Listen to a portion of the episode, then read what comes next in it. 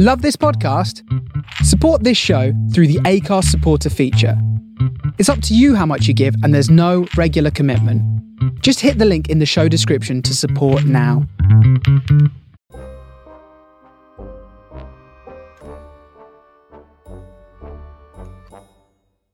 Hallo allemaal en welkom terug bij Reis door de Tijd, waar we het vandaag gaan hebben over indie muziek. Indie muziek is een afkorting voor independent, waarmee het hele systeem aan onafhankelijke platenlabels en de bands daarop, of bands met een eigen label, wordt aangeduid. Daarnaast is indie ook een genrebenaming voor de muziek uit de alternatieve sector, die een beetje popachtig is van karakter, maar te eigenzinnig blijft voor de hitparades. Als aan het eind van de jaren 70 de populariteit van het genre punk flink begint te dalen, laten de grote platenmaatschappijen, dus de, de punkbands die ze eigenlijk onder contract hebben, in één klap vallen. En dat lijkt eigenlijk het einde van het genre. Veel bands blijven echter actief en ze tonen aan dat het systeem, de platenmaatschappijen en de grote media helemaal niet nodig is om te kunnen overleven.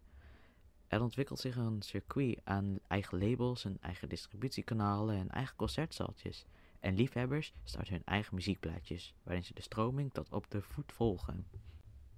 Begin jaren 80 ontstaat er zo een volledig alternatieve, non-commerciële muziekcultuur. En muziek en persoonlijke expressie komen boven het verdienen van geld te staan. De genre-aanduiding is New Wave en de geuzennaam DIY, oftewel Do It Yourself, een principe dat ook binnen andere muziekgenres wordt opgepikt. Het zijn metal of hardcore of industrial, dat soort muzieksoorten allemaal. De alomvattende verzamelterm is alternatief. Ook het genre grunge, een soort van slapende gitaarrock tussen punk en garage rock in, is eind jaren 80 ontstaan. En dit genre is dat in de jaren 90 helemaal doorbreekt, echt een nieuwe rage en het wordt heel populair. Het zet daarmee ook de deur open voor andere genres uit het actieve circuit en allemaal gekenmerkt door een veel meer gekarteld, onstuimig en productietechnisch ongepolijst geluid dan de zogenaamde mainstream. Grote platenmaatschappijen spelen hier natuurlijk gretig op in en brengen de ene ruige rock act naar de andere uit onder de door hen hiervoor gebruikte genreaanduiding, alternatief of alternatieve rock. En natuurlijk is hier dan niets alternatiefs meer aan. Op de werkelijke, alternatieve en de rustig voortvloegende do-it-yourself genre raakt daarop een onderscheiding van de term indie, oftewel independent en onafhankelijk, en toepassing. Het wel of niet behoren tot de term indie, die eigenlijk al vanaf eind jaren 80 opkomt, is daarmee eerder een kwestie van principe dan dat het al een duidelijk af te bakenen genre is.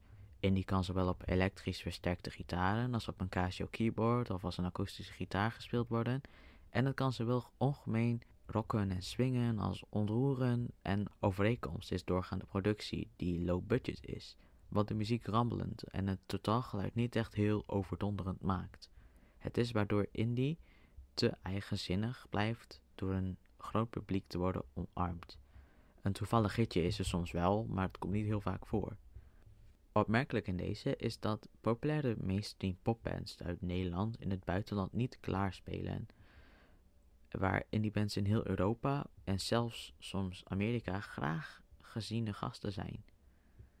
Indie bands en hun fans maken dan ook deel uit van een wereldwijd georganiseerde community, waarbinnen men elkaar en de principes van de onafhankelijkheid hondstrouw is.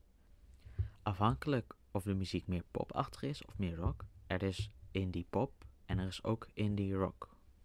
Indie wordt zelf vaak ook onderverdeeld in verschillende subgenres. Er is dan noise, en dat is de, eigenlijk de noise beïnvloede rock.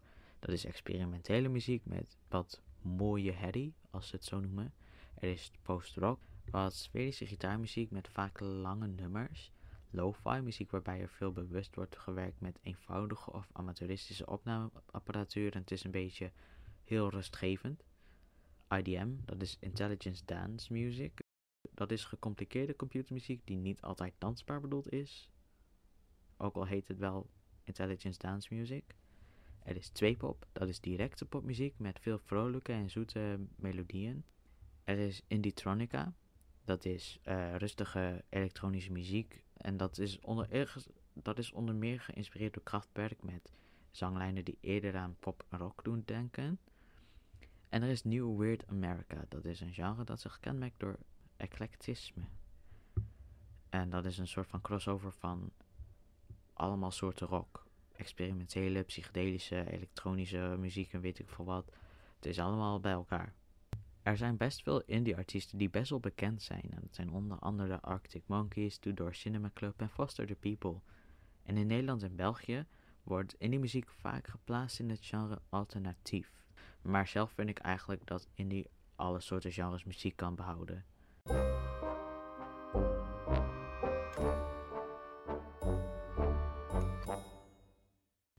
Dankjewel voor het luisteren. Als er een andere muziekgenre is of een onderwerp dat interessant is om over te horen, laat het gerust weten. Ik sta open voor suggesties.